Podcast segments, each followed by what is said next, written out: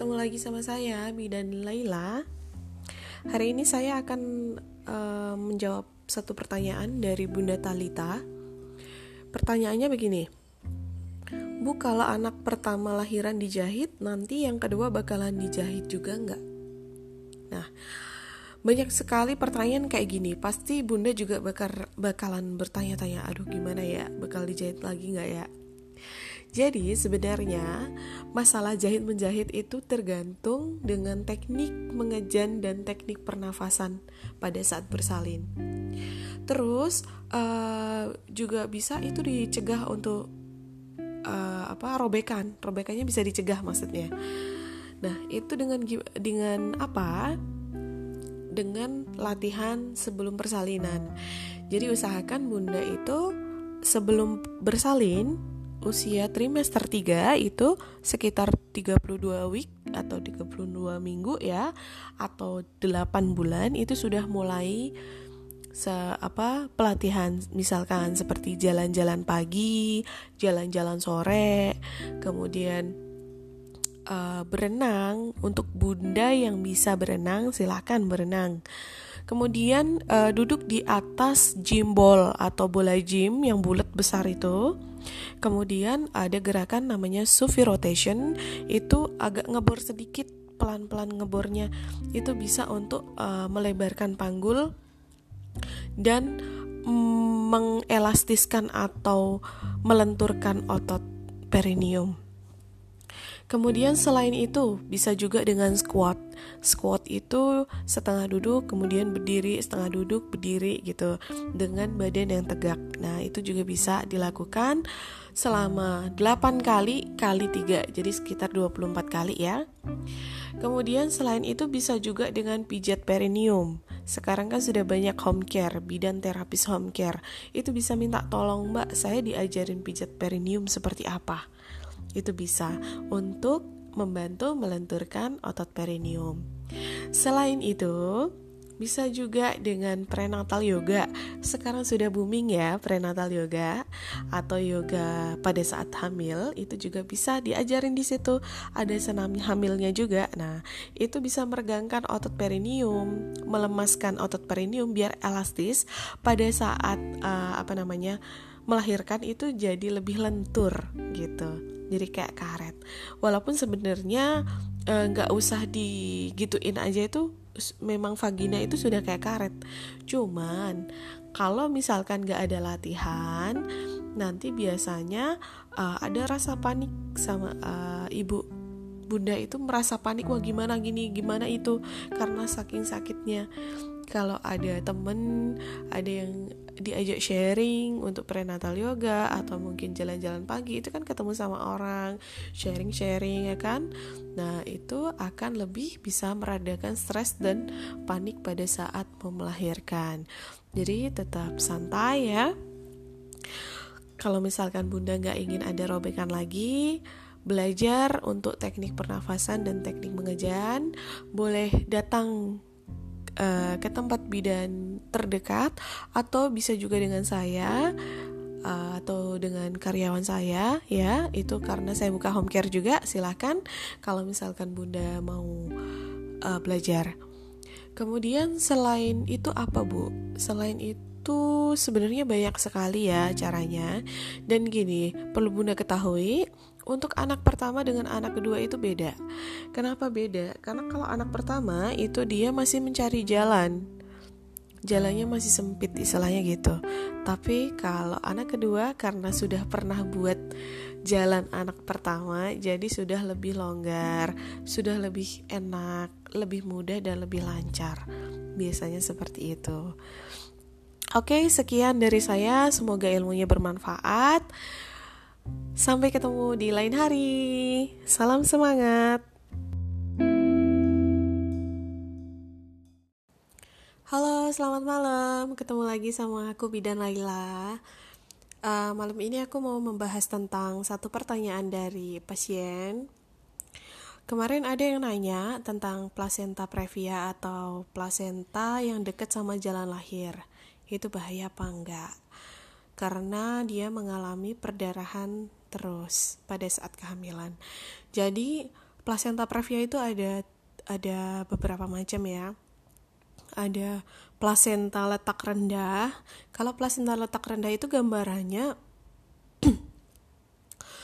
plasentanya itu di uh, ini di samping pintu. Nah, gambarannya tuh kalau jalan lahir atau porsio atau cervix atau pintu lah pintu rahim ya maaf pintu rahim itu bayangin aja itu pintu terus jendelanya itu di samping pintu nah itu namanya plasenta letak rendah tapi kalau plasenta previa marginalis marginalis itu berarti uh, plasentanya menutupi jalan lahir sebagian.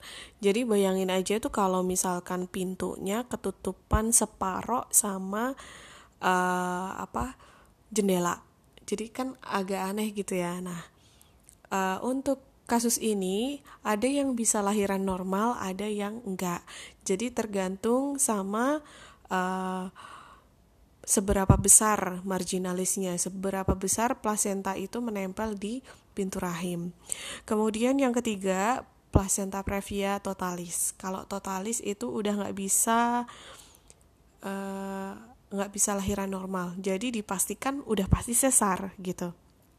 Dan tanda gejalanya untuk placenta previa itu biasanya bunda yang sedang hamil itu mengalami perdarahan. Darahnya warnanya merah segar seperti darah haid tapi tidak bergumpal gitu. Ya jadi harus diingat tidak bergumpal dan tidak sakit. Untuk kasus placenta previa perdarahannya tidak sakit sama sekali hanya seperti orang haid gitu oke sudah jelas sampai sini ya kalau misalkan bunda menemui hal seperti itu atau merasakan seperti itu sebaiknya langsung ke bidan atau ke dokter kandungan untuk di USG. Pastikan bahwa itu uh, bukan dari plasenta atau apa gitu. Karena yang harus diwaspadai adalah apabila ibu hamil mengeluarkan darah segar atau darah merah atau gumpalan darah warna hitam dari jalan lahir semua pokoknya yang darah-darah gitu harus diwaspadai, harus benar-benar uh, dimonitor ya. Jadi kalau misalkan uh, keluar kayak gitu langsung aja periksa gitu di USG ada apakah gerangan.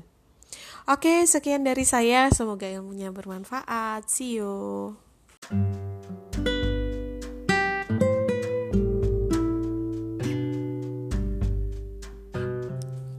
Halo, ketemu lagi sama saya Bidan Lila.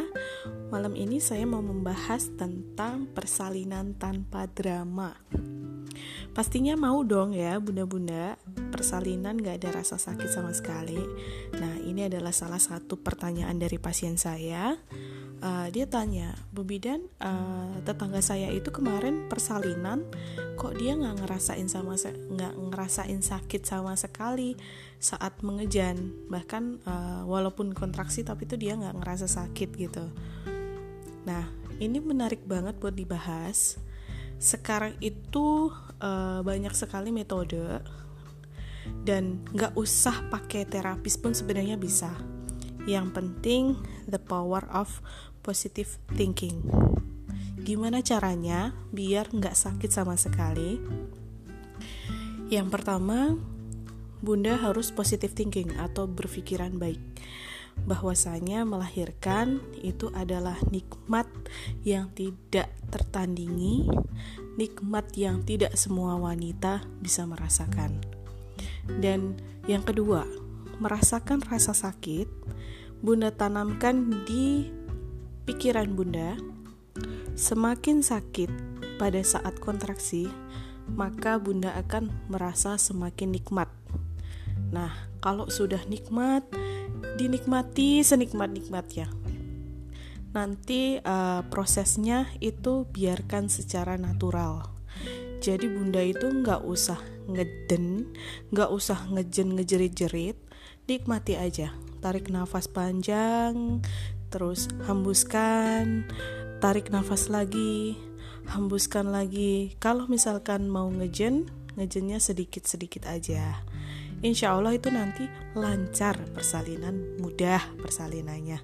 Begitu. Terus tips yang ketiga berdoa. Kalau misalkan bunda lagi ngerasa kontraksi kenceng banget dinikmati maka rasa sakit itu akan menjadi sangat nikmat sambil bunda istighfar atau berdoa.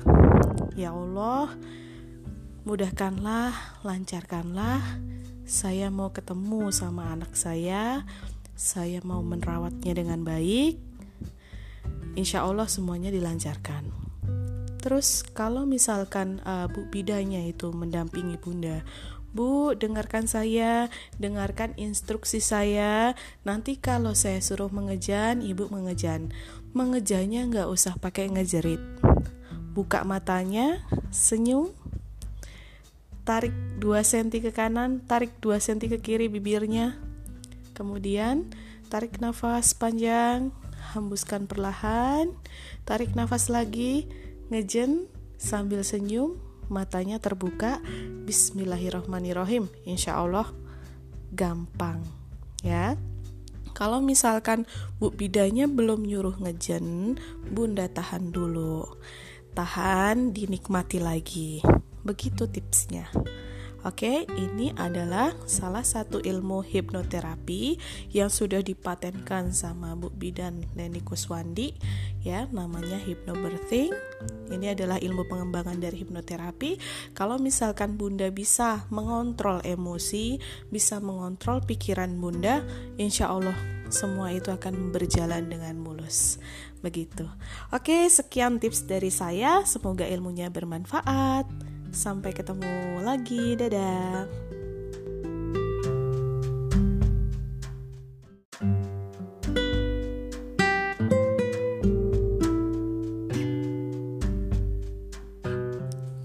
Halo, ketemu lagi sama saya Bidan Lila. Malam ini saya mau membahas tentang persalinan tanpa drama. Pastinya mau dong ya bunda-bunda persalinan gak ada rasa sakit sama sekali. Nah ini adalah salah satu pertanyaan dari pasien saya. Uh, Dia tanya, Bu Bidan uh, tetangga saya itu kemarin persalinan Kok dia gak ngerasain sama nggak ngerasain sakit sama sekali saat mengejan? Bahkan uh, walaupun kontraksi tapi itu dia gak ngerasa sakit gitu. Nah ini menarik banget buat dibahas. Sekarang itu uh, banyak sekali metode dan nggak usah pakai terapis pun sebenarnya bisa. Yang penting the power of positive thinking. Gimana caranya biar nggak sakit sama sekali? Yang pertama, Bunda harus positive thinking atau berpikiran baik bahwasanya melahirkan itu adalah nikmat yang tidak tertandingi, nikmat yang tidak semua wanita bisa merasakan. Dan yang kedua, merasakan rasa sakit, Bunda tanamkan di pikiran Bunda. Semakin sakit pada saat kontraksi, maka Bunda akan merasa semakin nikmat. Nah, kalau sudah nikmat, dinikmati senikmat-nikmatnya. Nanti uh, prosesnya itu biarkan secara natural. Jadi bunda itu nggak usah ngeden, nggak usah ngejen ngejerit-jerit, nikmati aja. Tarik nafas panjang, terus hembuskan, tarik nafas lagi, hembuskan lagi. Kalau misalkan mau ngejen, ngejennya sedikit-sedikit aja. Insya Allah itu nanti lancar persalinan mudah persalinannya. Begitu. Terus tips yang ketiga berdoa. Kalau misalkan bunda lagi ngerasa kontraksi kenceng banget dinikmati maka rasa sakit itu akan menjadi sangat nikmat sambil bunda istighfar atau berdoa ya Allah mudahkanlah lancarkanlah saya mau ketemu sama anak saya, saya mau merawatnya dengan baik. Insya Allah semuanya dilancarkan. Terus kalau misalkan uh, Bu bidanya itu mendampingi Bunda, Bu, dengarkan saya, dengarkan instruksi saya. Nanti kalau saya suruh mengejan, Ibu mengejan. Mengejannya nggak usah pakai ngejerit. buka matanya, senyum, tarik 2 cm ke kanan, tarik 2 cm ke kiri bibirnya. Kemudian tarik nafas panjang, hembuskan perlahan, tarik nafas lagi, ngejen sambil senyum, matanya terbuka. Bismillahirrohmanirrohim. Insya Allah gampang ya. Kalau misalkan Bu Bidanya belum nyuruh ngejen, Bunda tahan dulu.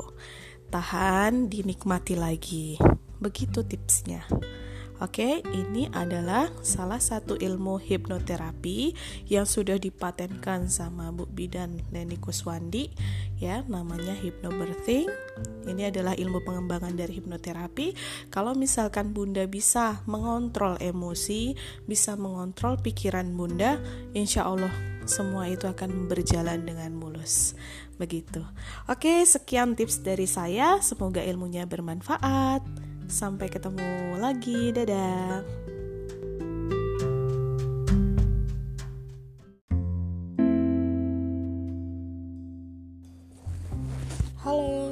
Lagi sama saya Bidan Laila. Hari ini saya akan uh, menjawab satu pertanyaan dari Bunda Talita. Pertanyaannya begini. Bu, kalau anak pertama lahiran dijahit, nanti yang kedua bakalan dijahit juga nggak? Nah, banyak sekali pertanyaan kayak gini. Pasti bunda juga bakal bakalan bertanya-tanya, aduh gimana ya, bakal dijahit lagi nggak ya? Jadi sebenarnya masalah jahit menjahit itu tergantung dengan teknik mengejan dan teknik pernafasan pada saat bersalin. Terus uh, juga bisa itu dicegah untuk uh, apa robekan, robekannya bisa dicegah maksudnya. Nah, itu dengan dengan apa? Dengan latihan sebelum persalinan. Jadi usahakan Bunda itu sebelum bersalin usia trimester 3 itu sekitar 32 week atau 32 minggu ya atau 8 bulan itu sudah mulai se apa pelatihan. Misalkan seperti jalan-jalan pagi, jalan-jalan sore, kemudian uh, berenang. Untuk bunda yang bisa berenang silahkan berenang. Kemudian uh, duduk di atas gym ball atau bola gym yang bulat besar itu kemudian ada gerakan namanya sufi rotation. Itu agak ngebor sedikit pelan-pelan ngebornya. Itu bisa untuk uh, melebarkan panggul dan mm, mengelastiskan atau melenturkan otot perineum Kemudian selain itu bisa juga dengan squat. Squat itu setengah duduk kemudian berdiri, setengah duduk berdiri gitu dengan badan yang tegak. Nah, itu juga bisa dilakukan selama 8 kali kali 3. Jadi sekitar 24 kali ya. Kemudian selain itu bisa juga dengan pijat perineum. Sekarang kan sudah banyak home care, bidan terapis home care. Itu bisa minta tolong mbak, saya diajarin pijat perineum seperti apa itu bisa untuk membantu melenturkan otot perineum. Selain itu, bisa juga dengan prenatal yoga. Sekarang sudah booming ya prenatal yoga atau yoga pada saat hamil itu juga bisa diajarin di situ. Ada senam hamilnya juga. Nah, itu bisa meregangkan otot perineum, melemaskan otot perineum biar elastis pada saat uh, apa namanya? melahirkan itu jadi lebih lentur gitu jadi kayak karet. Walaupun sebenarnya eh, nggak e, usah digituin aja itu memang vagina itu sudah kayak karet. Cuman kalau misalkan nggak ada latihan nanti biasanya uh, ada rasa panik sama uh, ibu. Bunda itu merasa panik wah gimana gini gimana itu? Karena saking sakitnya kalau ada temen ada yang diajak sharing untuk prenatal yoga atau mungkin jalan-jalan pagi itu kan ketemu sama orang sharing-sharing ya kan? Nah itu akan lebih bisa meredakan stres dan panik pada saat mau melahirkan. Jadi tetap santai ya. Kalau misalkan bunda nggak ingin ada robekan lagi belajar untuk teknik pernafasan dan teknik mengejan. Boleh datang uh, ke tempat bidan terdekat atau bisa juga dengan saya uh, atau dengan karyawan saya ya. Itu karena saya buka home care juga silahkan kalau misalkan bunda mau uh, belajar. Kemudian selain itu apa bu? Selain itu sebenarnya banyak sekali ya caranya. Dan gini perlu bunda ketahui untuk anak pertama dengan anak kedua itu beda. Kenapa beda? Karena kalau anak pertama itu dia masih mencari jalan. Jalannya masih sempit istilahnya gitu. Tapi kalau anak kedua karena sudah pernah buat jalan anak pertama jadi sudah lebih longgar, sudah lebih enak, lebih mudah dan lebih lancar. Biasanya seperti itu. Oke, sekian dari saya. Semoga ilmunya bermanfaat. Sampai ketemu di lain hari. Salam semangat.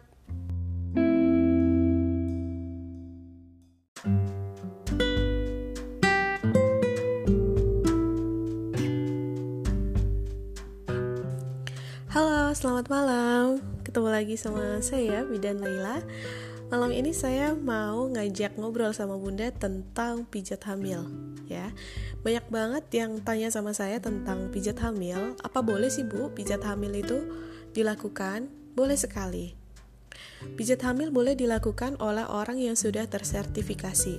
Entah dia uh, bidan, uh, dokter, perawat, bisa juga fisioterapis atau orang umum. Yang penting dia sudah memiliki sertifikasi dan diakui secara nasional ya. Kemudian uh, apa aja sih Bu manfaat dari pijat hamil itu sendiri? Banyak banget manfaatnya.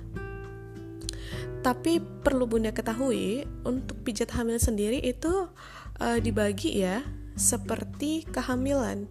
Jadi untuk trimester 1 2 3 itu pijatnya beda-beda. Kok bisa? Ya, karena kalau trimester 1 untuk mempertahankan kehamilannya, trimester 2 untuk kenyamanan, yang trimester 3 kenyamanan dan untuk merangsang persalinan. Emang bisa Bu untuk merangsang persalinan?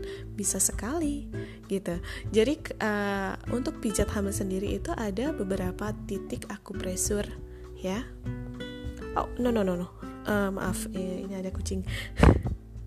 Oke. okay untuk pijat hamil, di mana bisa dilakukan, Bu? Biasanya Bu bidan-bidan ya, yang sudah punya klinik atau uh, apa namanya? bidan home care itu kan banyak sekali sekarang. Ya kan? Uh, untuk trimester 1 itu untuk mempertahankan kehamilan manfaatnya untuk uh, mengurangi stres. Biasanya kan ada yang takut begini nanti kalau bayinya nggak berkembang gimana ya kan? Ada juga yang nggak bisa tidur karena tekanan atau gimana. Nah itu cocok banget untuk mengurangi stres. Kemudian yang kedua untuk meregangkan otot-otot yang kaku. Kemudian uh, selain itu untuk menambah wawasan bunda juga ya. Dan untuk meyakinkan diri bunda karena beberapa pijat hamil ada hipnoterapisnya. Kemudian untuk yang trimester 2 hampir sama dengan trimester 1 di, cuman dia lebih ke kenyamanan. Karena kalau trimester 2 itu biasanya banyak keluhan. Misal sakit pinggang, sakit punggung, sering kencing kemudian apa namanya kakinya bengkak. Nah dengan kaki bengkak itu nanti kalau ada pijit hamil itu insya Allah bisa sembuh. Begitu. Tapi bukan kaki bengkak yang disebabkan karena protein urianya tinggi ya. Oke. Kemudian untuk trimester 3 itu manfaatnya hampir sama yang trimester 1 dan trimester 2 ditambah bisa merangsang uh, persalinan. Gimana bu kok bisa? Bisa. Karena uh, dipencet bagian titik akupresurnya. Dan titik akupresur itu kalau dipencet dia akan menimbulkan kontraksi gitu. Dan selain itu uh, untuk merelaksasikan bunda biar nggak takut untuk bersalin gitu. Kemudian uh, setelah bersalin ada juga yang namanya pijat pasca bersalin atau pijat nifa uh, maaf pijat postpartum atau postpartum massage itu ada pijat laktasi dan pijat oksitosin ya. It, uh, untuk kenyamanan melancarkan apa ASI kemudian untuk mengurangi angka depresi dan baby blues ya depresi postpartum. Kemudian untuk melatih bunda juga biar bisa merawat bayinya dengan baik gitu. Ya kan nggak mau kan ya bisa lahiran terus kucel suami nggak cinta takut itunya longgar kan gitu. Nah nanti diajarin uh, yang namanya apa namanya pijat pasca bersalin itu nanti ada uh, apa namanya treatment itu. Uap vagina ozon ada macam-macam ya Oke, untuk bunda-bunda yang tertarik dengan pijat kehamilan, kalau misalkan bunda uh, apa namanya malas keluar rumah, saya punya tim yang bisa dipanggil ya. Tapi kalau misalkan bunda mau langsung ketemu dengan saya, bisa langsung datang ke klinik saya di Jalan Swadaya 2 nomor 21B RT 6 RW 5 Tanjung Barat Jagakarsa Jakarta Selatan. Oke, Uh, semoga bermanfaat ilmunya dan semoga membantu Bunda. Dadah.